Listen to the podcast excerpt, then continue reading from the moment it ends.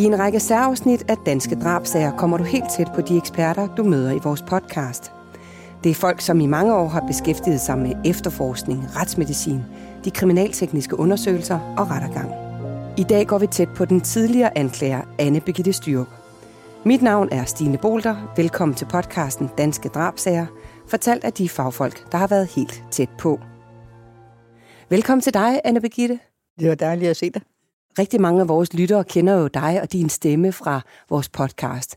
For du har været med i rigtig mange af de sager, som vi har haft med. Jeg ved, du har stået i retten. Er det over 100 gange, eller hvor meget er det blevet til igennem din tid? Jamen altså, ja, hvis vi skal tale om retssager som sådan, så er det jo tusinder. Ja. Øh, fordi øh, dem, vi har beskæftiget os med, det er nævningesager, og det er dem, hvor anklagemyndigheden beder mere end fire års fængsel. Dem er der jo meget få af i forhold til alle de andre.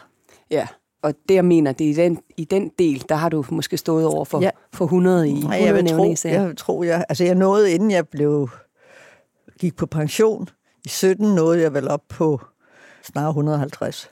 Hold da. Ja. Ja. Men det var også fordi, der var en overgang, hvor jeg havde dem både i byretten og i landsretten. Ja. En sag tæller som en sag, sådan en i mit hoved. Ja, selvfølgelig. Og øh, da du gik på pensionen i 2017, så havde du været øh, øh, anklager og jurist i hvert fald i, i 45 år. Ja. Er det rigtigt? Ja. Hvordan kan det være? Hvordan startede din karriere egentlig?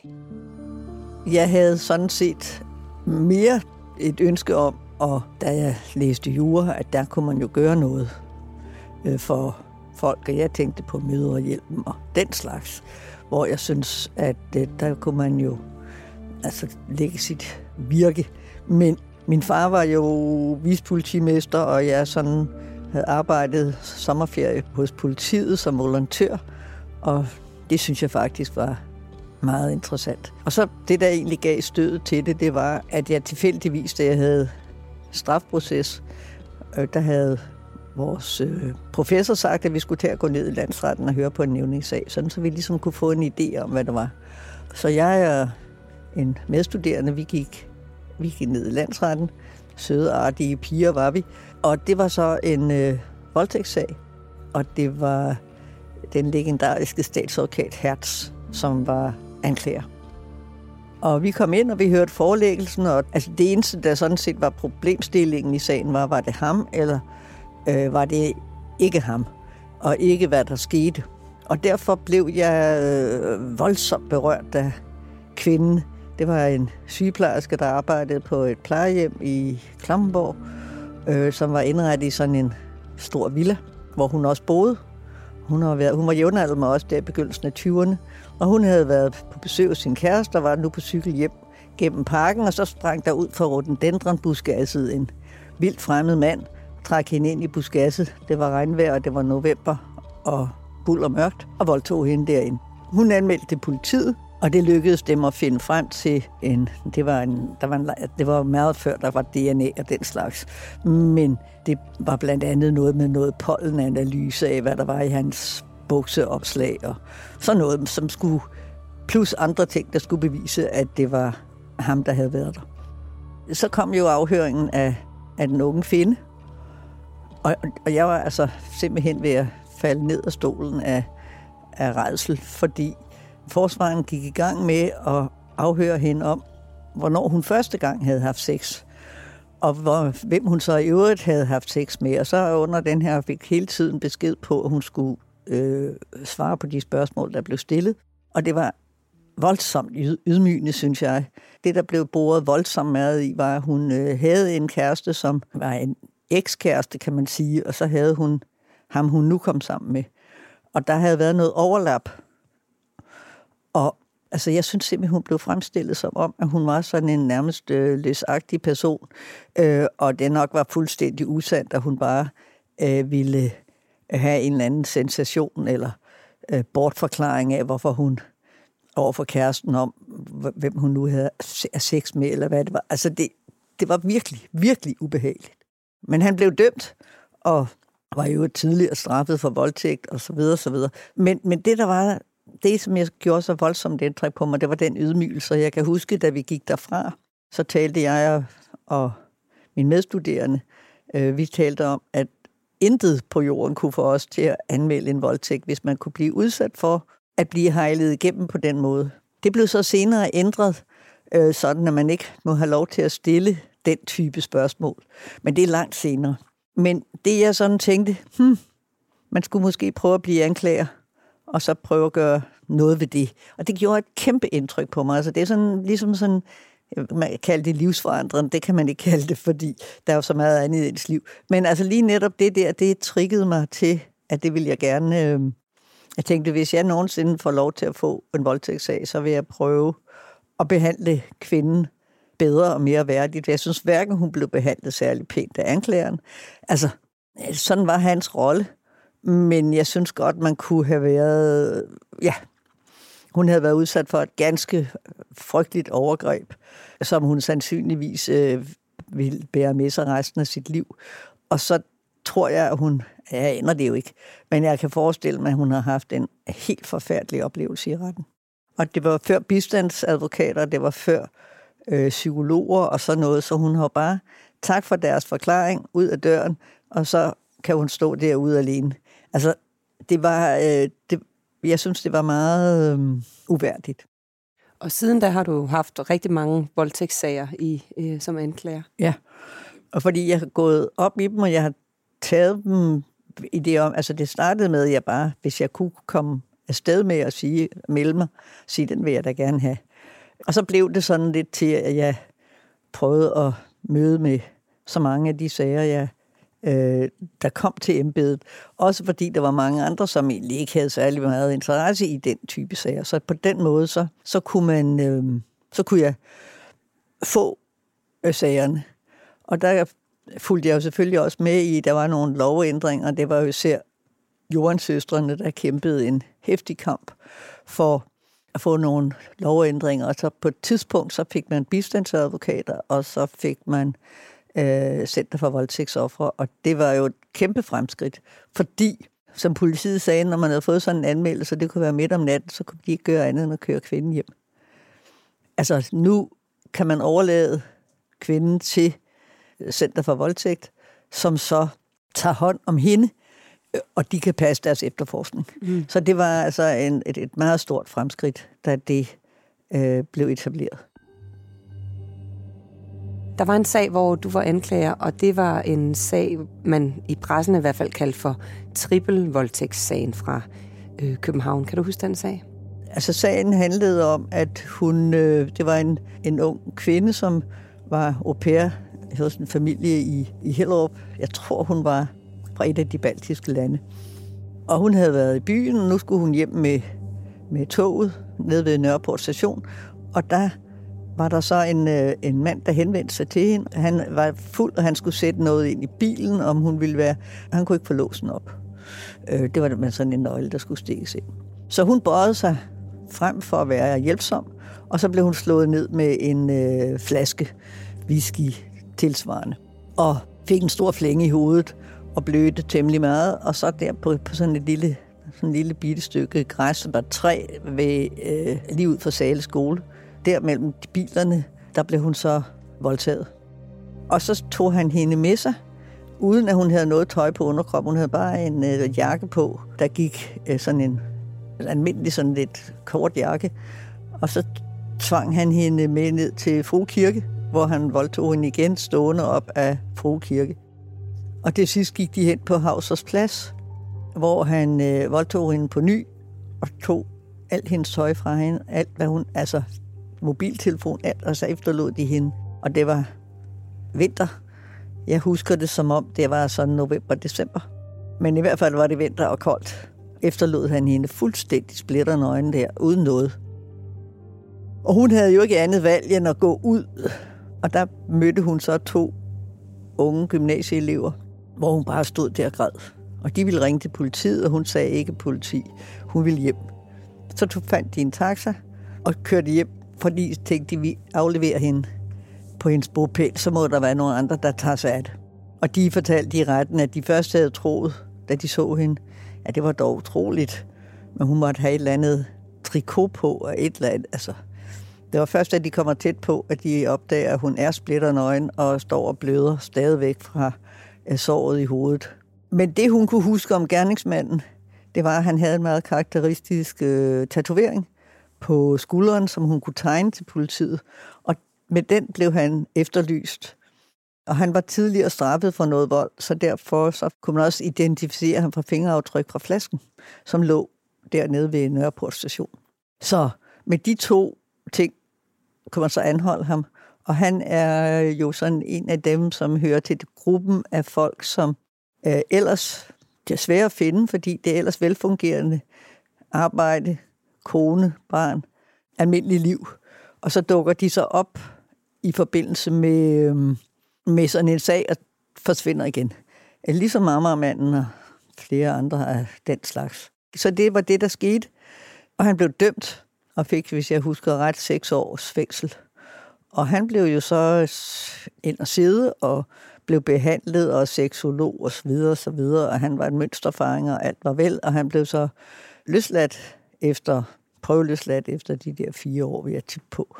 Og så nogle øh, få år efter, så blev jeg ringet op af en kriminalmand inde i øh, personfarlig kriminalitet, der sagde, at nu er han sag Melman lige blevet anholdt igen. Din gamle kompis. Og det betød så, at øh, så fulgte jeg jo med i sagen og mødte med den i retten. Og der blev han så idømt forvaring, fordi nu kunne man ligesom ikke længere stole på. Og der var en hel masse andre detaljer. Det var, det var den sag med den ung kvinde, som blev voldtaget og smidt i Københavns Havn. Men han lignede jo, fremstod som sådan en rigtig flot fyr, øh, som man ville... Øh, og hvis han kom og tilbød, har du ikke lyst til at komme ind og få en drink? Og det var det, han tilbød denne sidste kvinde. Øh, så ville hun se op og ned af den her flotte fyr og sige, jamen det, selvfølgelig vil jeg det. Mm. Og det gik jo så grueligt galt.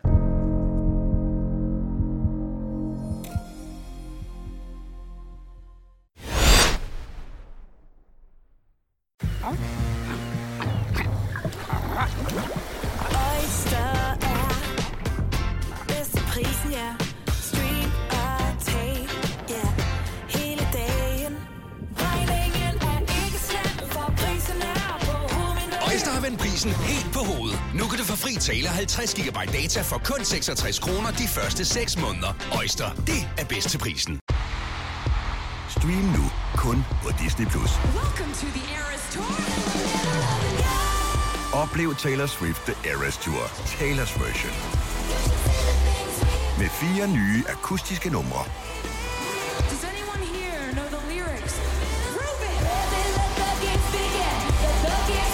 Taylor Swift The Eras Tour, Taylor's version.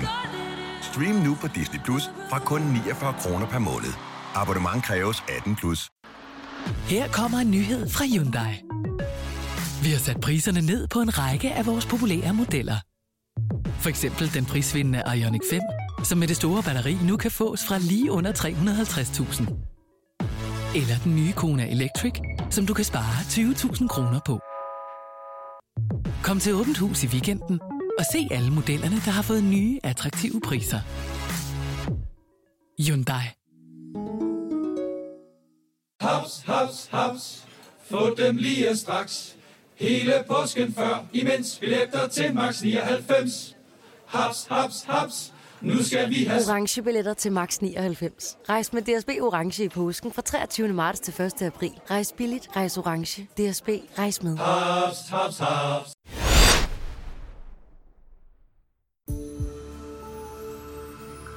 Hvordan er det at stå over for, det her det har så været en voldtægtsmand, men du har jo også stået over for Ammermanden og andre, som har begået virkelig øh, alvorlig øh, personfarlig kriminalitet. Hvordan er det at stå og kigge på dem i øjnene? Jo, men det man bare må sige er jo, at det, der er det mest karakteristiske, er, at det er jo ganske almindelige mænd. Øh, altså, der er ikke noget påfaldende ved de fleste, og de fleste taler jo pænt og høfligt, og de er jo ædru og alting, når de kommer i retten. Øh, så der er ikke noget... Indimellem kan det jo være helt... Øh, overraskende. Jeg havde engang en mand, jeg, jeg, har jo ikke, jeg har typisk ikke set dem på forhånd, medmindre det er nogen, jeg kender fra en tidligere sag. Øh, men, men han, øh, der var påstand om forvaring for, jeg ved ikke, hvor mange voldsager han havde. Jeg tror, han var oppe på over 20. Og, og så påstod de så forvaring, nu var der altså nok. Øh, og da jeg så kommer ind i retten, og han kommer ind, øh, så var han sådan en lille ikke, ikke ret høj. Fuldstændig sådan en, som hvis man gik forbi ham på gaden, ville man overhovedet slet ikke festne sig ved ham. Sådan lidt kommunefarvet hår og råmeleret trøje. Altså han var bare sådan... Og, og, og var der noget, han ikke så ud til, så var der ved at voldelig. Altså, mm. jeg tænkte, hold da op, det kommer til at blive op ad bakker for overbevist nævningen om, at ham her, han er så livsfarlig, så nu skal han have sig forvaring. Men det, det endte det med. Men det var fordi, man kunne jo... Jeg havde jo blandt andet lavet en helt ekstrakt med alle hans straf. Jeg havde skaffet dem helt tilbage fra hans... Øh, de første voldsdomme, der var han teenager. Nu var han i 40'erne. Den ene efter den anden, hvor jeg så kunne læse op det, han var dømt for, men især, hvad der var årsagen til. Og han var bare den mindste lille bitte gnist, kunne få ham til at tænde totalt af. Mm. Ja. Øh, og og, og så, så, så, så, så slog han. Og jeg, alle dernede, den der midtsjællandske by, var jo bange for ham. Øh, så jeg ved på, at der har været masser af voldssager, som ikke er blevet anmeldt. Mm. Og du har jo altid gjort mange øh, effekter i retten, hvis man kan sige det på den måde. I hvert fald kan jeg jo huske det som journalist, der har siddet og set, der gør det her med for eksempel at holde 3-4 minutters pause for at illustrere, hvor lang tid det tager at kvæle et menneske. Øh, du har sendt gerningsvåben rundt, så man kunne mærke tyngden ja. af det. Øh, hvor, hvad, hvad er det, du har jo, gjort med det, de her ting? Altså man kan sige, at det at være anklager er jo i princippet en måde, det er en formidling. Det, det, det, det sværeste, det er at få alle til at holde fokus, fordi det er faktisk ret kedeligt. Øh, en masse oplæsning, kedelige erklæringer osv. Og, og, og, man kan, og jeg ved af erfaring, at man kan ikke... Altså mere end et kvarter har man ikke hvor man har opmærksomheden, så, så, så begynder øh, nævningene at tænke på deres, hvad de skal have til middag, og om de kan nå at hente deres barn. Og, øh, fordi det er sådan, sådan det, det, vi kender det selv, hvis vi til et foredrag, der begynder at blive en lille smule øh, kedeligt. Og derfor er det, at øh, det er meget nødvendigt at foretage sig noget nyt, som ligesom øh, vækker folk. For eksempel, og det kan være alt fra at sige, at nu skal vi se på et ris, eller nu skal I bladre op i billedmappen på side 28, eller sende et øh, våben som til illustration af, hvad er det for noget, vi har for os. Og jeg, altså et gerningsvåben skal jo altid øh, sendes rundt. Og det er ligegyldigt, om det er en kartoffelkniv, eller det er et oversaget havlgevær. Altså man skal ligesom se, hvad er det, der har forårsaget drabet, for eksempel. Mm. Og hvis jeg tager den der, det der eksempel med ham, der skulle have forvaring, det med at gennemgå hver eneste voldssag i alle årene, og især hvad det var, der satte det i gang, nemlig nul og niks. Det var en illustration af, hvorfor det var, at han var så farlig, fordi han gik amok, øh, og hvor han ellers var et, e, sådan en helt almindelig, der falder, altså sådan helt almindelig person. Men når han blev øh, vred, og det blev han meget nemt, øh, så var han sådan en helt anden person, som bare gik øh, til stålet. Ikke? Altså det, det, det, det, det er igen en måde at vise, i stedet for at nævne, at han har 25 tidligere voldssager, så at læse dem op, og selvfølgelig er det klart, at forsvaren sagde, ej, øh, vi bestrider jo ikke, øh, men det var jo småsager, det var noget med, at han fik 10 dage og en betinget dom, eller fik tre måneder, eller der, altså, fordi det var jo ikke livsfarlige drabsager, men det var bare den der ophobning. Og så den sidste var alvorlig, fordi der blev han dømt for forsøg på manddrab. Mm. Øh, men det var, fordi han havde brugt kniv og så videre. Så videre. Men det, altså det, altså det der med, at man forstår, altså man rent faktisk tager det til sig mm. øh, ved mængden, eller hvad det nu kan være. Så altså, man skal vise det.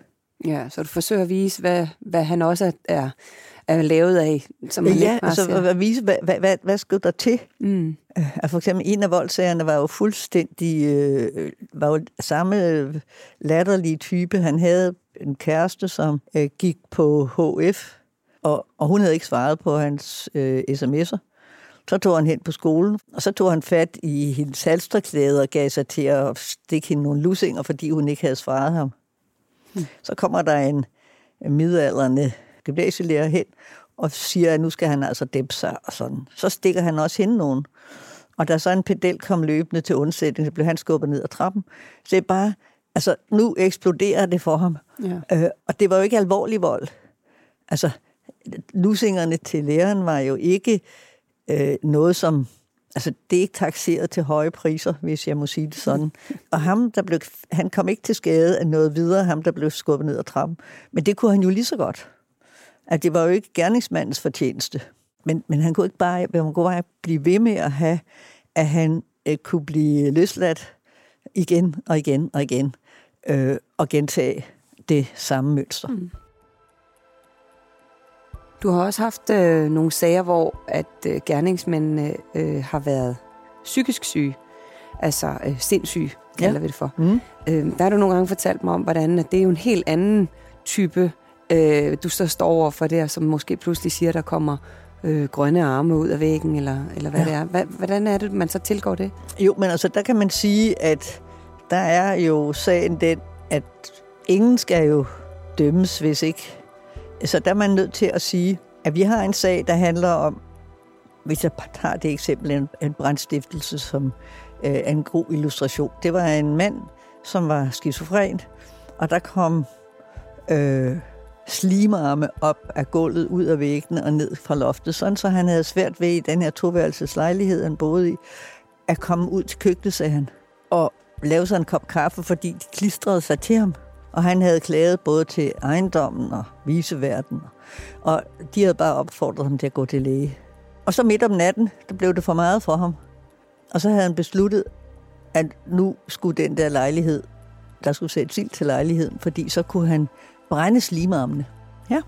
Og som sagt så gjort, og hele den ejendom gik jo op i flammer, og branden gik op igennem gulvet, og det var et mirakel, at der ikke var nogen, der døde. Det var en øh, femetagers ejendom med to værelseslejligheder på hver side af opgangen.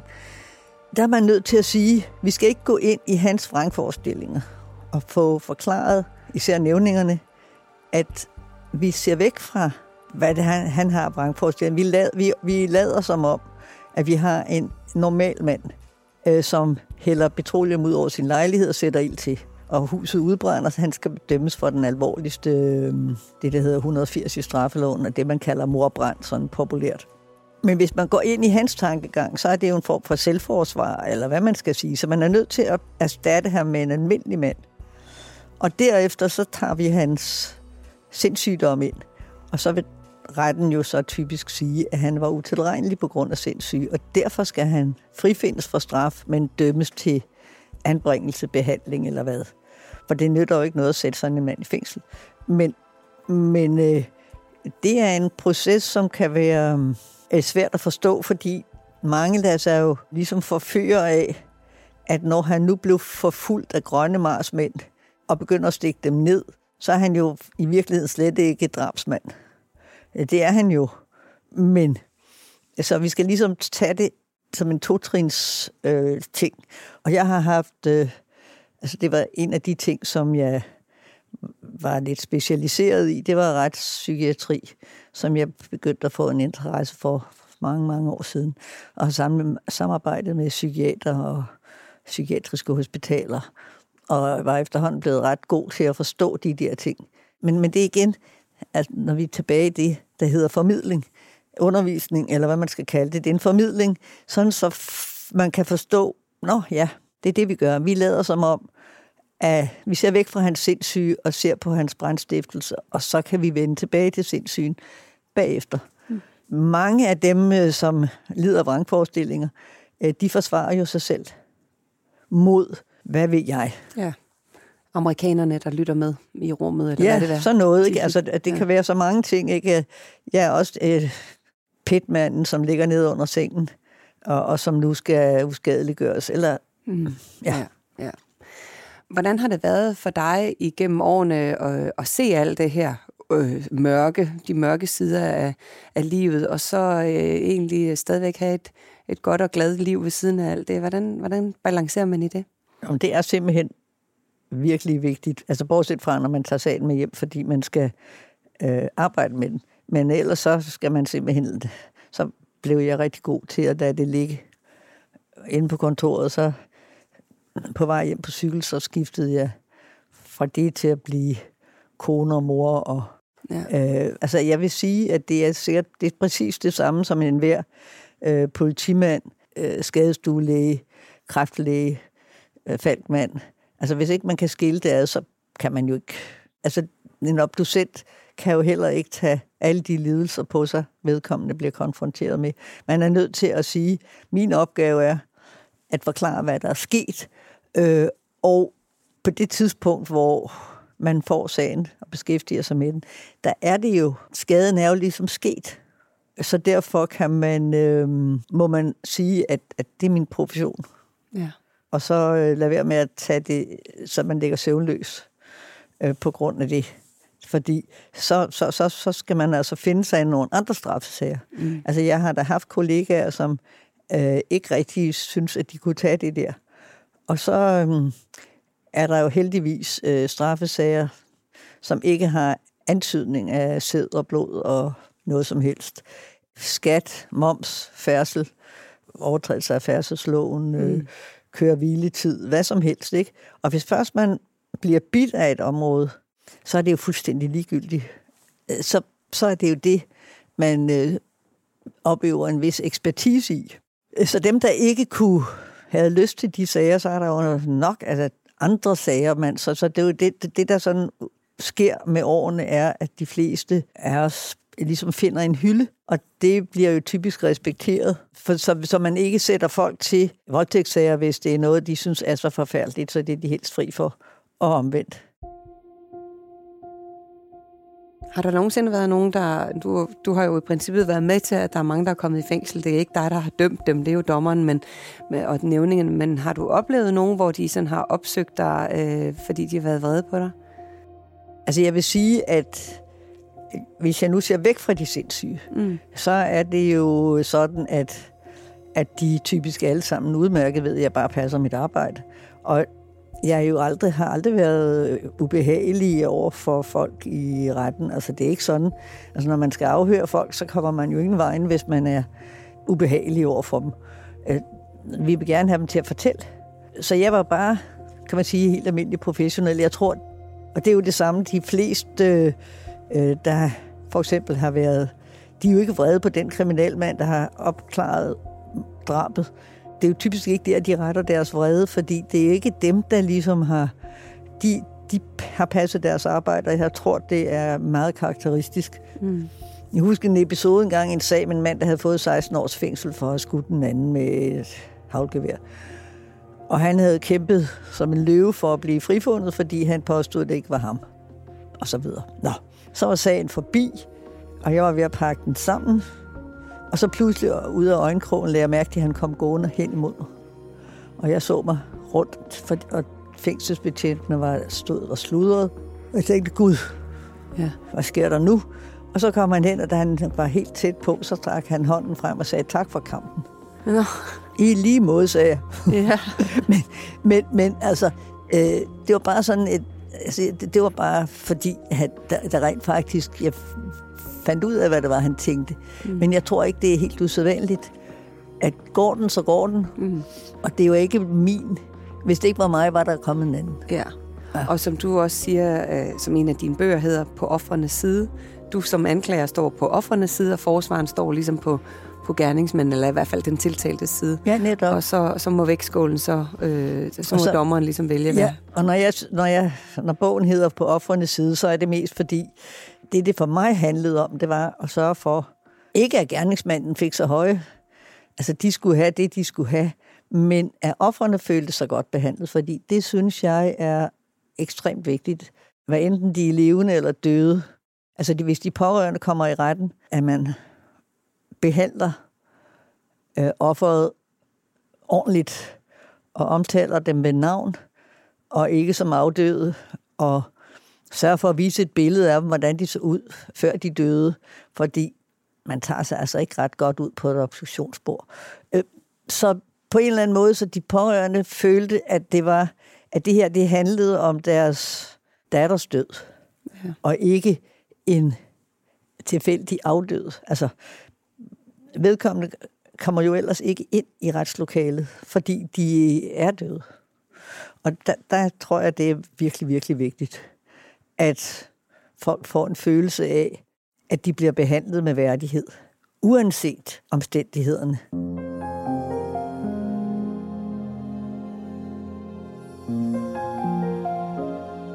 Tusind tak, Anne Begitte Styrup, for din historie. Musik er potmusik.dk, klippet af Rasmus Svinger og produceret af Bauer Media og True Crime Agency. Mit navn er Stine Bolter. Tak fordi du lyttede med.